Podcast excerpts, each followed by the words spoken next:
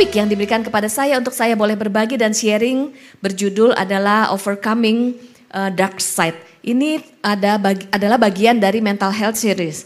Sebelumnya saya mau memperkenalkan diri, nama saya Iliana Widodo. Saya tinggal di Lipo Karawaci. Uh, saya dan suami saya melayani di GBI WTC OHCC, menggembalakan uh, sebuah cabang di Lipo Karawaci. Kami dianugerahi dua orang anak, uh, pria dan wanita Anselmo dan Arneta. Kemudian saya dan suami saya uh, mendirikan Yayasan Sahabat Pemulihan Indonesia, di mana yayasan ini uh, merupakan sebuah pelayanan untuk memperlengkapi tubuh Kristus di dalam program-program pemuritan ataupun pelatihan untuk memiliki kehidupan yang bertumbuh, yang sehat baik secara rohani, spiritual maupun secara mental. Terima kasih sekali lagi. Yuk kita akan melihat firman Tuhan di 1 Tesalonika 5 ayat 23. Kita akan membaca sama-sama. 1 Tesalonika 5 ayat 23.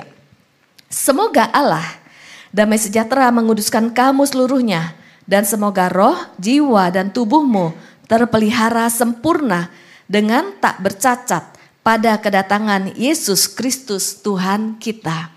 Sebagai seorang pribadi, kita terdiri dari roh, jiwa, dan tubuh. Tentunya kita rindu memiliki tubuh yang sehat Tentunya kita juga rindu memiliki perilaku, karakter yang terus bertumbuh menjadi seperti Kristus. Kita rindu untuk menghasilkan buah roh di dalam kehidupan kita. Kita rindu hidup kita untuk menjadi berkat. Di satu sisi, Tuhan juga mau kita terus bertumbuh secara spiritual, rohani. Kita mengenal Kristus, kita memiliki pengenalan yang benar akan Tuhan. Tapi satu hal yang kita tidak boleh lupakan adalah kita memiliki jiwa. Area dari jiwa yaitu uh, emosi, kemudian juga pikiran dan juga kehendak. Dan kalau kita sehat bertumbuh secara holistik, artinya sehat secara fisik, sehat secara perilaku, sehat secara rohani, dan juga sehat secara jiwa, secara mental, emosi dan pikiran kita sehat. Namun sering kali di area jiwa, emosi dan pikiran terabaikan. Padahal area jiwa itu sangat berpengaruh dalam perilaku, di dalam keputusan, dalam relasi. Bahkan di dalam sebuah buku yang berjudul Emotionally Healthy Spirituality menuliskan, adalah sulit untuk bertumbuh secara spiritual jika kita tidak dewasa secara jiwa atau tidak dewasa secara emosi dan pikiran. Kita akan melihat beberapa contoh di dalam Alkitab Bahkan tokoh-tokoh Alkitab yang dipakai Tuhan luar biasa. Mereka seorang pemimpin yang luar biasa, menjadi sumber inspirasi, hidupnya menjadi berkat. Tapi ada satu sisi, ada di area jiwa. Mereka memiliki luka, memiliki dark side di dalam dirinya. Dan hal tersebut mempengaruhi keputusannya sebagai pemimpin, mempengaruhi relasi di dalam kehidupan sehari-hari. Dan materi yang saya sharingkan, kalau Bapak Ibu Saudara ingin mendapat referensi, bisa melihat dari buku Overcoming uh, Dark Side of Leadership yang dikeluarkan oleh literatur saat. Kemudian ada buku yang berjudul Are You Really Okay dari Focus on the Family yang ditulis oleh Debra Villeta.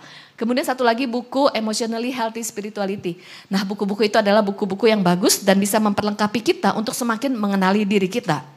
Yuk kita lihat kisah hidup beberapa tokoh Alkitab. Yang pertama adalah Musa. Kita tahu bahwa Musa adalah pemimpin uh, yang luar biasa. Musa memimpin bangsa Israel keluar dari Mesir. Bangsa Israel uh, ratusan tahun dijajah dan diperbudak oleh bangsa Mesir. Kemudian Musa dipilih oleh Tuhan dan diurapi untuk membebaskan bangsa Israel keluar dari Mesir. Tapi kita lihat ada beberapa perilaku Musa yang destruktif yang merugikan, baik merugikan dirinya sendiri dan juga merugikan timnya. Musa disebut pemimpin yang kompulsif. Kalau kita lihat beberapa kali Musa itu marah, betul? Dan satu hari Musa tidak dapat mengendalikan kemarahannya dan karena kemarahannya Musa dan bangsa Israel tidak dapat mencapai tanah perjanjian. Musa marah, alasan marahnya sebenarnya tidak salah. Karena bangsa Israel marah-marah, terus komplain gitu ya. Walaupun alasan kemarahannya itu tidak salah. Musa marah karena perilaku bangsa Israel. Tapi Musa mengen, tidak bisa mengendalikan diri dan dikuasai oleh emosinya, lalu dia berperilaku overreaction. Hal itu yang membuat Musa tidak mencapai tanah perjanjian. Kalau kita lihat kenapa Musa punya perilaku yang kompulsif. Kita lihat loh dari bagaimana Musa dibesarkan, pola asuhnya. Waktu kecil, Musa itu dihanyutkan di sebuah sungai. Kita ingat ya kisahnya. Bayangkan sebagai seorang bayi yang baru lahir, perlu rasa aman, butuh dekapan dari mamanya, lalu dihanyutkan, insecure. Kemudian Musa bukan dibesarkan oleh orang tua kandungnya, tapi menjadi anak adopsi dari putri Firaun. Kemudian dibesarkan di kerajaan dengan aturan, dengan uh, tatanan yang otoriter. Seorang anak yang diadopsi lalu dibesarkan dengan aturan-aturan yang kaku. Ada perasaan insecure, perasaan tertolak. Ada pertanyaan-pertanyaan, kenapa hidup saya menjadi seperti ini? Mungkin ada kemarahan yang tersimpan. Dan pada saat ada trigger, Musa overreaction, tidak dapat mengendalikan dirinya. Ini satu dark side di dalam diri Musa. Kita lihat tokoh Alkitab lainnya, yaitu Salomo. Wow, Salomo itu adalah anak dari Raja Daud. Kemudian Salomo diurapi Tuhan, dipilih Tuhan untuk membangun bait Allah. Bahkan kita lihat uh, pelayanan Salomo luar biasa. Namun ada satu dark side dalam diri Salomo. Bagaimana karakternya? Salomo itu memiliki banyak gundik dan istri ya. Kemudian di pengkhotbah 2 ayat 4 sampai 8 ada bagian yang diulang-ulang loh. Aku, milikku, diriku. Salomo merupakan seorang pemimpin yang narsisistik. Apa itu narsisistik? Seseorang yang narsisis, narsisistik itu apa-apa berfokus pada dirinya. Ingin populer, ingin diakui, ingin dihargai. Apa yang terjadi dengan Salomo? Kita bayangkan Salomo ini besar di keluarga yang bagaimana? Salomo itu anak dari Bersheba itu istri kesekian dari Daud ya. Dan Salomo lahir di lingkungan yang kurang ideal. Anak pertama dari Bersheba itu meninggal. Kemudian Salomo itu anak yang lahir di tengah lingkungan di mana Salomo itu tidak dianggap, enggak dianggap. Jadi Salomo memiliki citra diri yang rendah, dia minder, kemudian dia tidak diakui waktu kecil di lingkungannya. Itu membuat dia menjadi seorang anak yang haus akan pengakuan, haus akan popularitas. Mungkin dia juga sebagai seorang anak, dia seorang anak yang kesepian. Sehingga dia membutuhkan relasi. Pada saat dia menjadi seorang pemimpin, dia terobsesi untuk diakui sehingga pada saat dia membangun bait Allah, dia tujuannya didorong oleh motivasi yang tidak sehat, yaitu ingin mendapatkan popularitas. Bukan sekedar menggenapi rencana Tuhan, tapi ada agenda lain untuk diakui. Apa yang terjadi? Keputusan-keputusan apa yang dilakukan oleh Salomo? Salomo ini menggunakan uh, untuk mendanai, untuk mendanai pembangunan bait Allah. Salomo mengenakan pajak kepada rakyat sampai titik lemah emosi, menggunakan cara-cara yang sampai harus meng, apa ya uh, uh, hidup tidak berintegritas. Demi apa? Popularitas, takut kehilangan popularitas. Kemudian Salomo yang kesepian, karena dia kesepian, akhirnya dia mengisi kesepian dengan relasi dengan para gundiknya, dengan para istrinya. Beberapa waktu yang lalu saya pernah talk show mengenai pernikahan dan perselingkuhan. Sempat membahas loh, kenapa perselingkuhan itu bisa terjadi. Perselingkuhan itu bisa terjadi memang ada kesempatan, tetapi satu sisi yang mendorong perselingkuhan itu bisa terjadi karena ada kebutuhan emosional yang defisit di masa kecil. Mungkin uh, defisit relasi dengan orang tua, kesepian dan itu menjadi sebuah dark side di dalam hidup seseorang. Kemudian dia menjadi haus kasih sayang, kemudian dia haus akan relasi. Selama dark side atau luka emosi tidak dipulihkan, walaupun sudah menikah dengan pasangan yang tidak kurang, tidak kurang cantik, uh, tidak kurang ganteng, udah cantik, ganteng. Tetapi kalau pada dasarnya luka emosi itu tidak dipulihkan, ada lubang di dalam hati, itu tetap akan berulang-ulang haus akan relasi, kemudian mencari yang lain dan berselingkuh. Nah di sinilah kita perlu pahami bahwa sebagai seorang pemimpin pun, seseorang yang dipakai Tuhan luar biasa. Kalau ada sisi dari mental health, dari emosi, dari luka yang tidak diproses, ini akan mempengaruhi perilaku-perilaku bahkan kepemimpinan. Kemudian kita lihat lagi tokoh Alkitab lainnya yaitu Saul. Saul adalah raja Israel, tapi Saul adalah pemimpin yang mm, paranoid, insecure. Dia waktu mendengar uh, para wanita menyanyi, Saul mengalahkan beribu-ribu, tapi uh, Daud mengalahkan berlaksa-laksa. Ketika mendengar nyanyian para wanita, kemudian muncul insecure di dalam hatinya. Kemudian dia menjadi takut, takut akan masa depannya, takut akan kedudukannya. Dia takut uh, nanti bagaimana popularitasnya. Lalu dia menjadi iri hati terhadap Daud. Nah, pada saat dia iri hati, dia menjadi seorang yang seperti monster, ingin membunuh Daud. Bahkan karena saking ingin membunuh Daudnya, dia juga membunuh 85 imam di Nob dan seisi penduduknya karena dikuasai oleh ketakutan, insecurity. Apa yang membuat Saul memiliki ketakutan? Kalau kita lihat dari sejarah kehidupannya, Saul ini dibesarkan oleh orang tua. Kemudian se ke mana pun Saul pergi, orang tuanya Saul mengutus bujangnya untuk terus mengikuti Saul. Jadi orang tua Saul itu overprotective.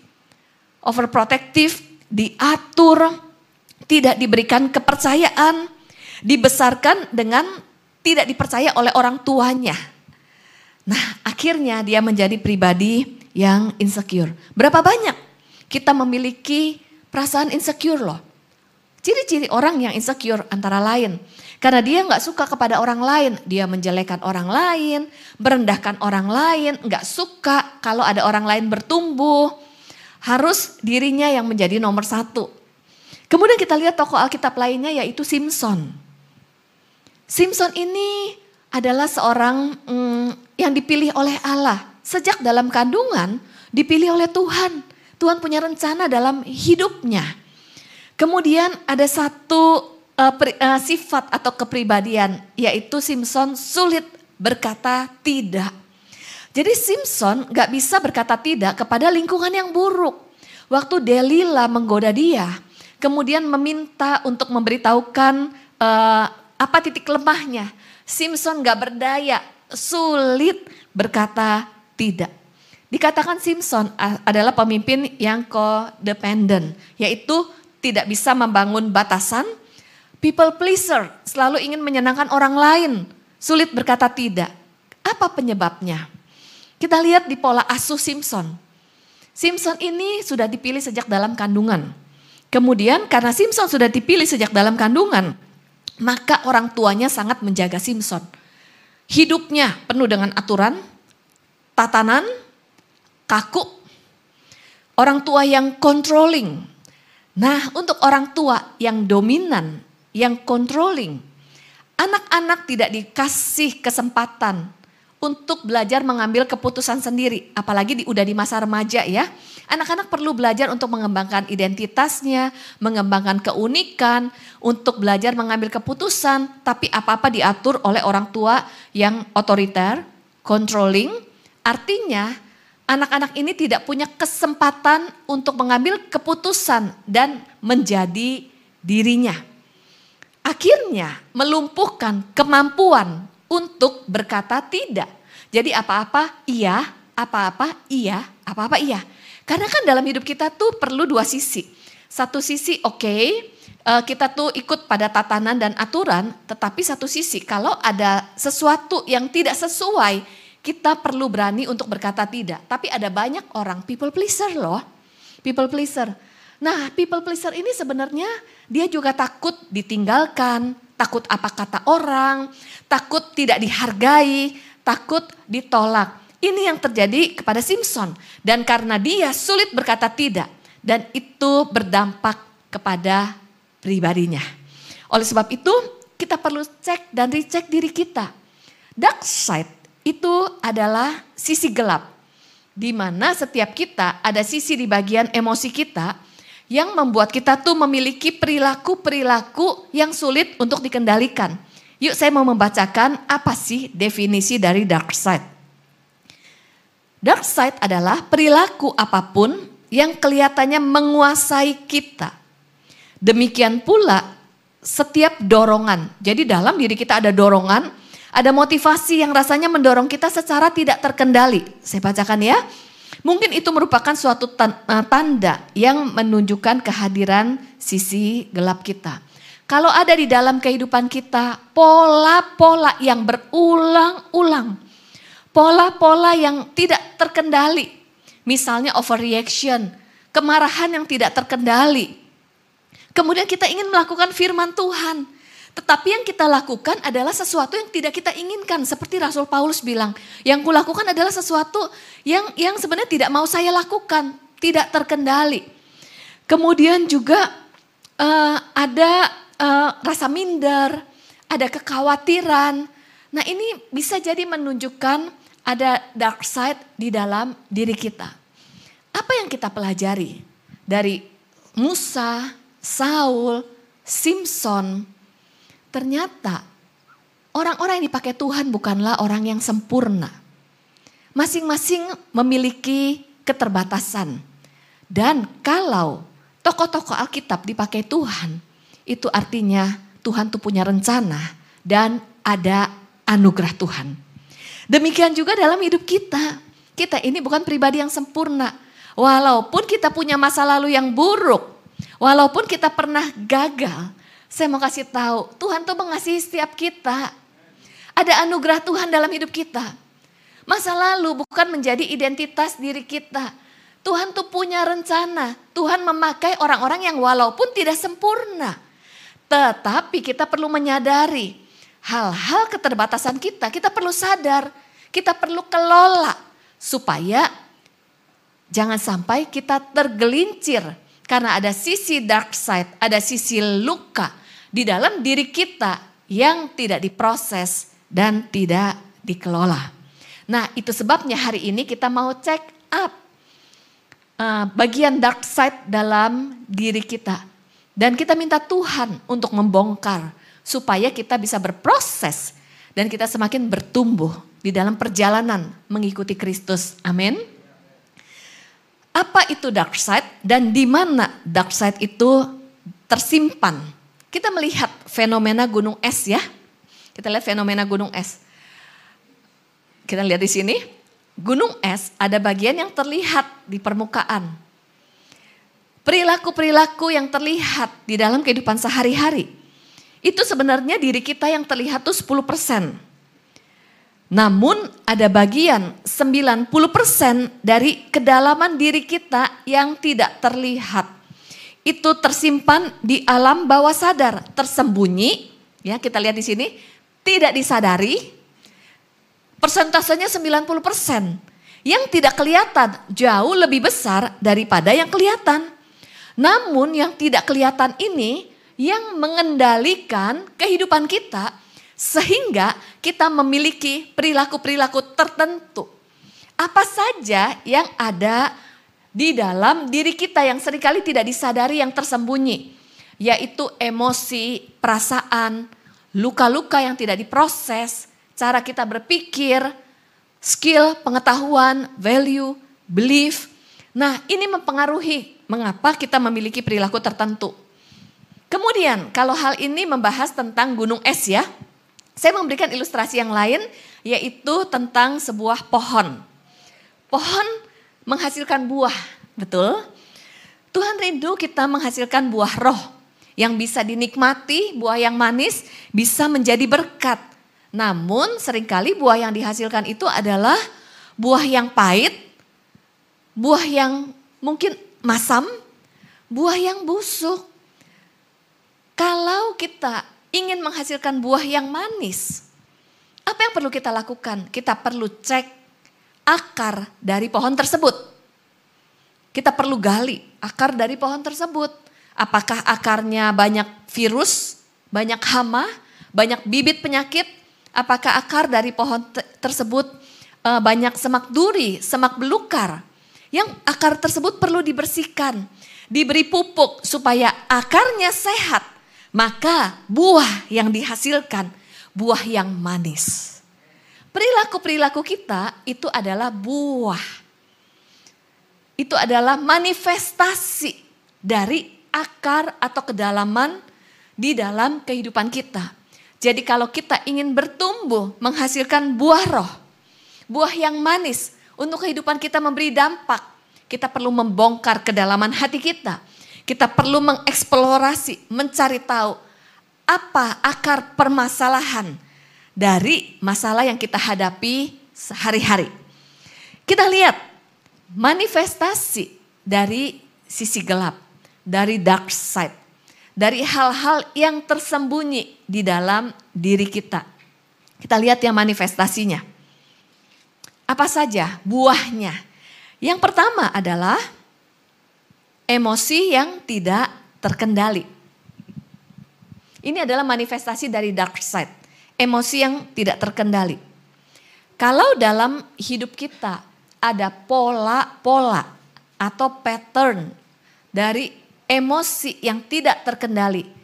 Misalnya, apa-apa yang over dalam hidup kita, dalam diri kita, itu sebenarnya indikator ada isu dark side, sisi gelap atau luka yang perlu diproses. Over apa? Over marah-marah, karena trigger sedikit, karena kejadian pemicu, lalu kita meledak secara emosional. Kemudian over tersinggung, dikit-dikit baper. Kemudian over kontrol juga. Over konflik, suka konflik. Kalau kita suka konflik, sering kali kita suka menyalahkan orang lain. Tapi sebenarnya kalau dicek, ada apa di dalam hati kita. Makanya seperti Daud berdoa, selidikilah hati dan pikiranku supaya jalan hidup kita tidak tersesat. Di Mazmur 19 ayat 13 juga Daud berdoa, sadarilah atas hal-hal yang tidak kita sadari supaya kita tidak menjadi serong hidup kita. Karena ada banyak hal-hal, luka-luka yang tidak kita sadari tapi itu menimbulkan kita tuh menjadi dikuasai oleh emosi. Seseorang yang mengalami luka yang tidak diproses karena dia dikuasai oleh emosi tanpa sadar dia jadi akan melukai orang lain, melukai pasangannya, lalu juga melukai anak-anaknya. Tapi nggak sadar, kenapa ya saya bawaannya marah-marah terus? Kenapa sih saya bawaannya kesal? Saya nggak mau marah-marah tapi berulang-ulang marah-marah lagi, marah-marah lagi. Kenali pola-pola emosi. Ini dalam hal emosi. Yang kedua, manifestasi dari dark side adalah dari pikiran. Cara berpikir, cara pandang yang negatif. Nah, cara pandang yang negatif ini antara lain bagaimana cara kita memandang diri kita. Dari mana sih cara pandang terhadap diri kita? Ini biasanya dipengaruhi dari bagaimana kita dibesarkan pola asuh. Karena begini, setiap kita ini ada pesan, ada message yang kita bawa dari kecil. Kita perlu kenali loh message apa yang kita bawa dari kecil sampai kita dewasa. Yang disebabkan dari mana? Contoh, contoh ya kalau orang tua mendidik anak, lalu dikit-dikit bilang, kamu tuh ya gitu aja gak bisa. Kemudian orang tua suka mengkritik, mengkritik dan mengkritik. Nah pada saat orang tua mengkritik, lalu anak ini kan mendengar kritikan, mendengar pesan, saya gak bisa, saya salah, saya gak bisa. Nah pada saat anak menangkap pesan, anak itu menyimpulkan pesan itu untuk dirinya, lalu membuat menjadi cara pandang terhadap dirinya, saya anak yang gak bisa, saya anak yang gagal, saya anak yang tidak berguna sehingga ini mempengaruhi di dalam sekolah, di dalam pekerjaan, di dalam pelayanan, dalam pengambilan keputusan, menjadi takut salah. Kemudian ada pesan-pesan inner kritik di dalam dirinya, saya salah, saya nggak bisa, saya nggak berguna. Kemudian juga mungkin ada orang tua yang suka kasih label, kamu tuh bodoh, kamu tuh nggak membanding-bandingkan, nggak seperti yang lain. Lalu label yang disampaikan itu menjadi satu message atau pesan dan itu anak menjadi membawa kesimpulan, membuat kesimpulan menjadi cara pandang terhadap dirinya, saya itu bodoh dan gak berguna. Atau dari pengalaman lingkungan, misalnya orang tua yang suka konflik. Kemudian pada saat orang tua konflik, anak kan merasa gak aman, takut, cemas, insecure betul Lalu mulai, apa salah saya ya? Jangan-jangan saya salah. Nah impresi anak, dia mengambil kesimpulan dari dirinya, dari pengalaman yang dialami. Lalu ada satu pesan menjadi menilai dirinya negatif. Dan pesan itu terbawa sampai dewasa, saya salah, saya nggak boleh salah. Terus saya nggak disayang, papa dan mama sibuk, saya nggak disayang. Saya nggak disayang, maka dia akan menjadi anak pribadi ataupun pribadi dewasa yang mencari kasih sayang, haus kasih sayang, kemudian mengambil keputusan supaya dikasihi oleh orang lain karena haus akan kasih sayang. Tujuan kita belajar ini bukan untuk menyalahkan masa lalu, bukan untuk menyalahkan pola asuh orang tua, tapi tujuan kita belajar untuk kita memahami diri kita karena kalau kita memahami diri kita, biarlah Kebenaran itu akan memerdekakan kita, menjadi terang yang akan memerdekakan kita dan membawa kebebasan. Kan hal itu akan mempengaruhi relasi dengan orang-orang di sekitar kita. Kemudian juga mungkin di dalam sekolah kita dibully, ada perkataan-perkataan negatif dari guru, dari lingkungan. Yuk kita cek pengalaman apa yang membuatkan pola pikir kita menjadi negatif. Jadi ada luka pada emosi, ada luka pada pikiran. Lalu apalagi pola pikir yang negatif? Seseorang yang mengalami trauma, dia punya cara berpikir yang overgeneralisasi. Misalnya trauma dengan misal papa selingkuh. Oh semua pria nggak bisa dipercaya. Itu dark side loh, luka. Kemudian pada saat menikah menjadi posesif. Mudah curiga kepada pasangannya Kemudian juga ada orang yang memiliki pola pikir yang netting, negative thinking, suka berasumsi, asumsinya negatif. Lihat orang lain bisik-bisik, langsung asumsi, oh dia ngomongin saya tuh ya. Nah karena kan suka berasumsi negatif, jadi perilakunya juga negatif. Atau ada pola pikir yang mudah menemukan kesalahan orang lain, mudah melihat hal-hal yang negatif, fokusnya pada hal yang negatif. Nah ini adalah pola-pola pikir yang negatif. Seperti contohnya Saul. Waktu mendengar uh, wanita menyanyikan lagu, dia langsung berpikir negatif. Wah bahaya nih Daud. Daud bisa mengancam kedudukan saya. Akhirnya dia menjadi perilaku, mem menjadi memiliki perilaku negatif. Oke, okay, tadi yang pertama pola emosi, yang kedua pola pikir, yang ketiga, manifestasi dari dark side adalah addiction atau kecanduan. Kalau kita memiliki kecanduan, kecanduan itu adalah buahnya. Kecanduan itu adalah perilaku 10% yang terlihat. Tapi di balik kecanduan yang tersimpan di alam bawah sadar, kenapa seseorang bisa kecanduan? Kecanduan itu kalau ditelusuri, akarnya itu ada dua. Yang pertama adalah ketika seseorang stres atau dia marah atau dia terluka, lalu orang itu kan ingin uh, menghilangkan stresnya, ingin mengatasi kemarahannya, ingin mengatasi kesedihannya, tapi nggak tahu cara yang sehat mengatasi kemarahan dan kesedihan. Akhirnya dia mengalihkan mencari kegiatan yang akan memberikan kelegaan. Contohnya merokok, lega sesaat. Kemudian contohnya minum, minuman keras. Kalau stres, kalau sedih, saya minum, terus lega. Atau untuk anak-anak, Waktu stres atau dia marah, dia nggak tahu bagaimana mengelola lukanya, mengelola kemarahannya. Main game, pornografi. Kemudian terikat uh, apa? TV kah dan lain sebagainya. Kemudian ada lagi emotional eating. Makanya ada yang bilang, aduh kalau semakin stres saya semakin banyak makan. Itu kan cara bentuk pengalihan ya. Supaya nggak stres, supaya nggak marah. Nah lega, lega sesaat, tapi nggak pulih. Kemudian ada kejadian lagi, dia stres lagi, sedih lagi, dia mencari cara yang sama yang membawa kelegaan dan itu menjadi berulang-ulang lalu terikat, terbelenggu dan susah untuk melepaskannya. Pada saat menghadapi masalah, dia mencari kelegaan, mengalihkan, melarikan diri, melakukan kegiatan-kegiatan yang membawa kelegaan, itu yang membuat menjadi terikat pada kecanduan.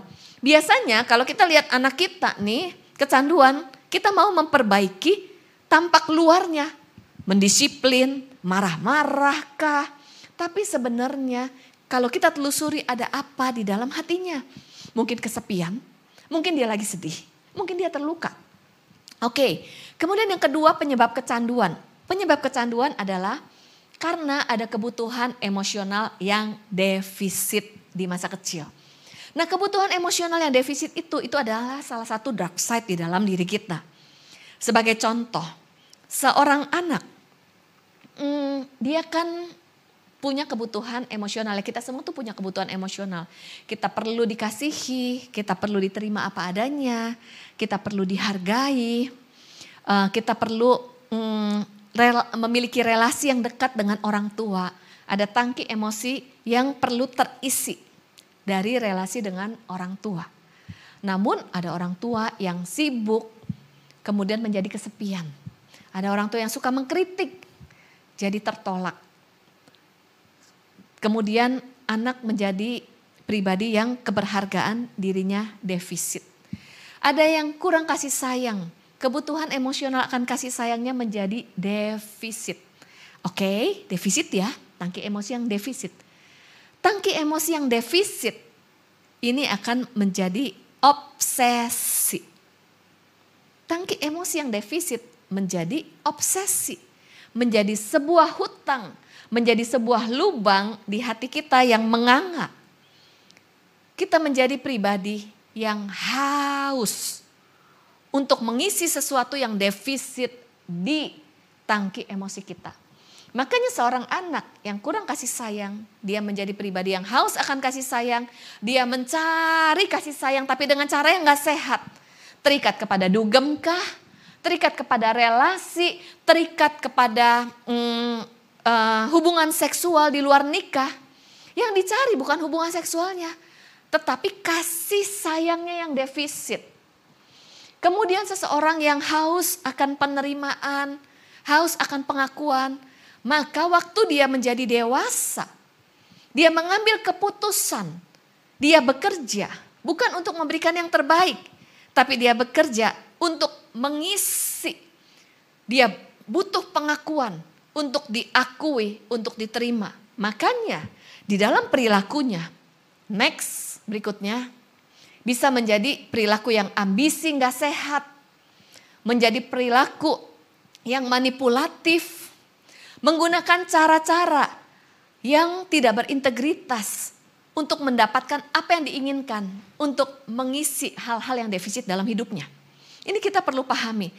Kenapa saya membahas pengalaman masa lalu? Karena bagaimana kita hari ini, ini sangat terkait dengan story dan sejarah kehidupan kita. Yang keempat, manifestasi dari sisi gelap itu adalah dalam relasi. Jadi ada relasi yang manipulasi, ada relasi yang sabotase, mensabotase.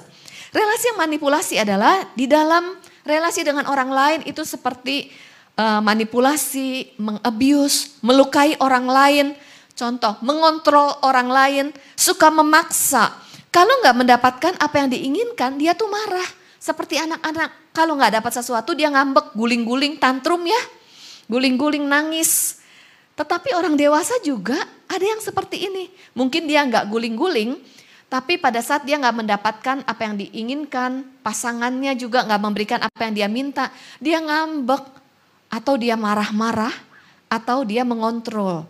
Orang yang suka mengontrol itu sebenarnya dia kehilangan kontrol akan dirinya. Karena dia nggak bisa mengelola hasrat dari dirinya.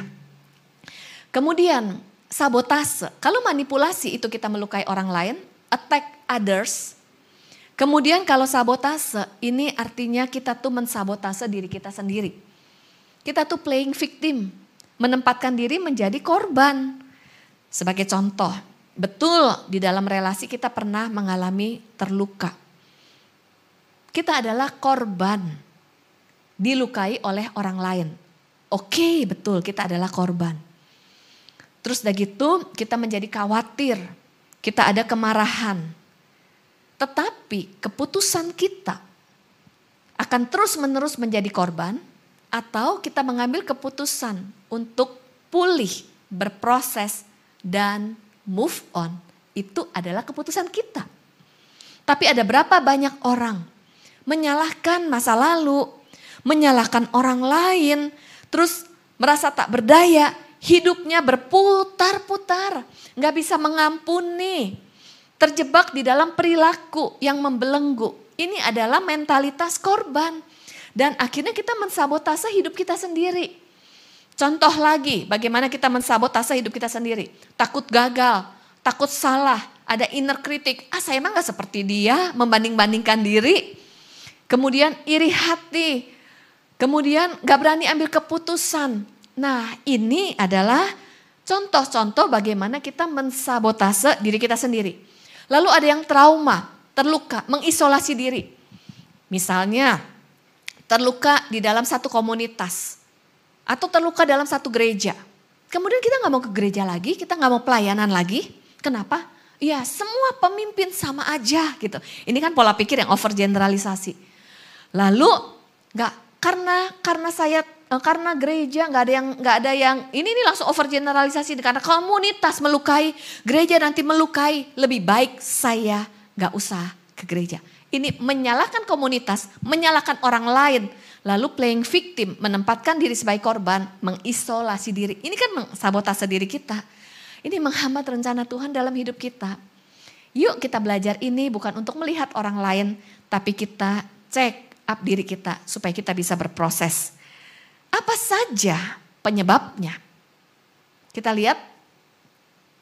Penyebab dari dark side itu adalah yang pertama adalah pengalaman di masa lalu. Next, boleh kita lihat PowerPoint-nya. Penyebab di masa lalu dan bagaimana untuk kita mengalami pemulihan. Yang pertama adalah kita perlu sadari yang memulihkan kita adalah Kristus.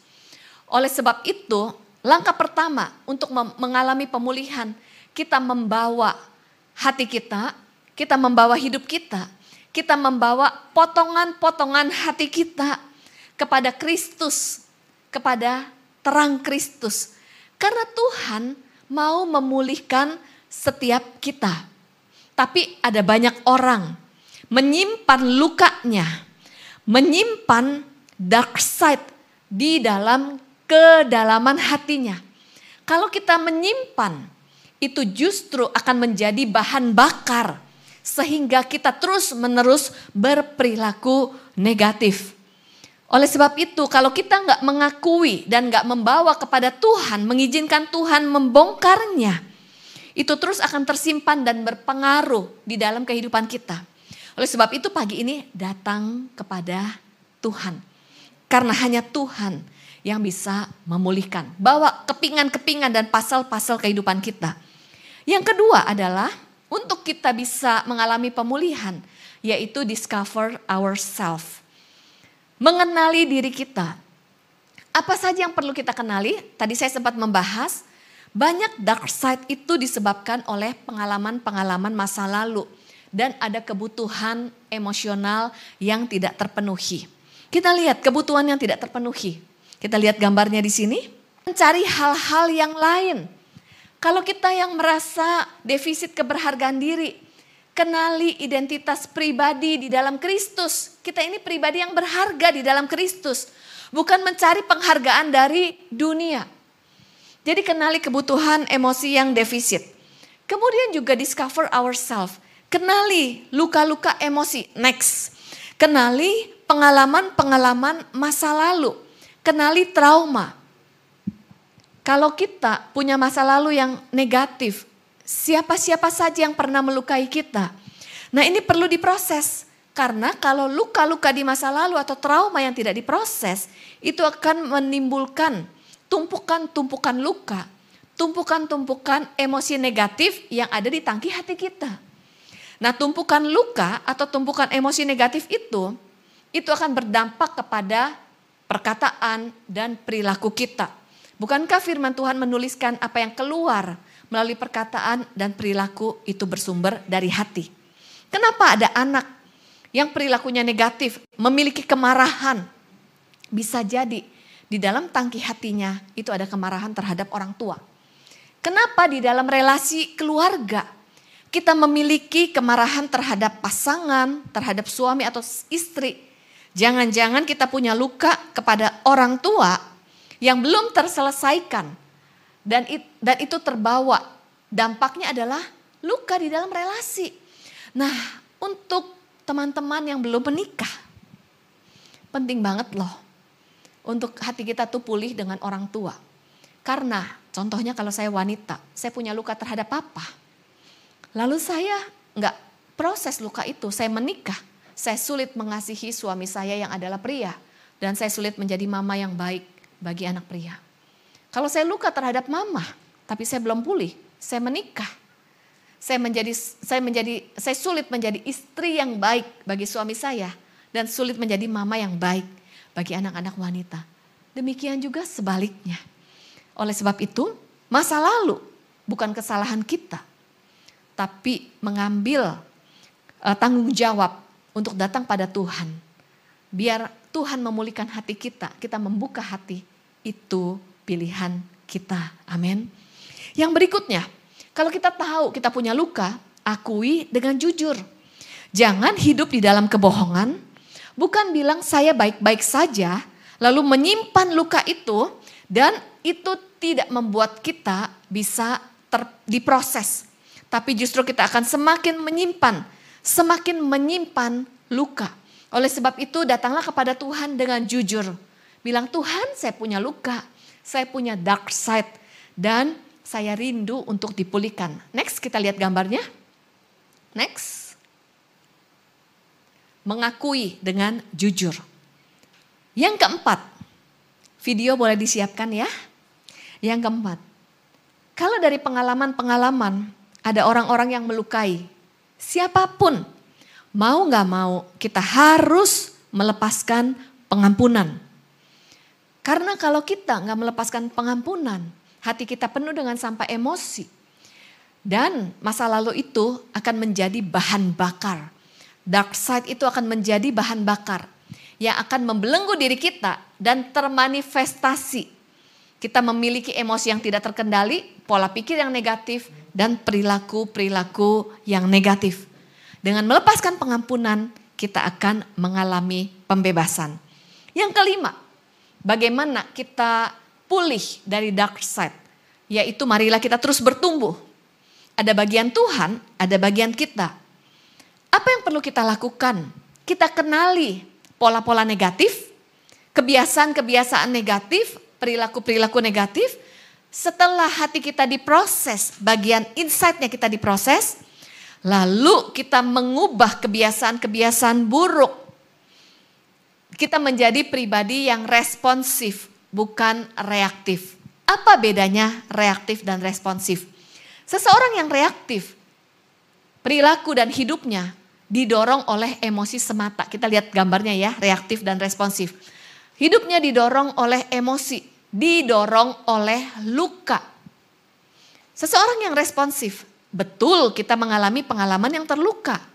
Kita bisa marah, tapi kita memproses, mengelola emosi, melepaskan pengampunan, kemudian kita berpikir jernih, dan kita mengambil keputusan sesuai dengan firman Tuhan.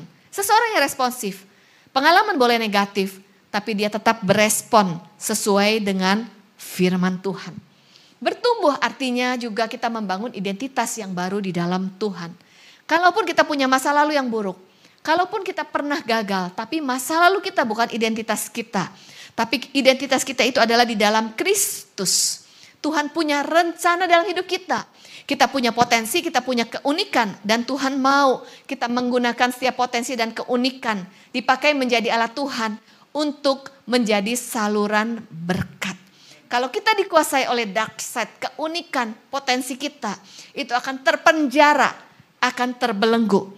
Oleh sebab itu yuk, marilah kita ambil waktu untuk kita membawa hati kita kepada Tuhan. Sisi gelap tidak bisa dihilangkan karena itu ada, adalah bagian dari hidup kita. Tapi sisi gelap itu bisa ditaklukkan. Sehingga sisi gelap itu tidak menguasai diri kita lagi.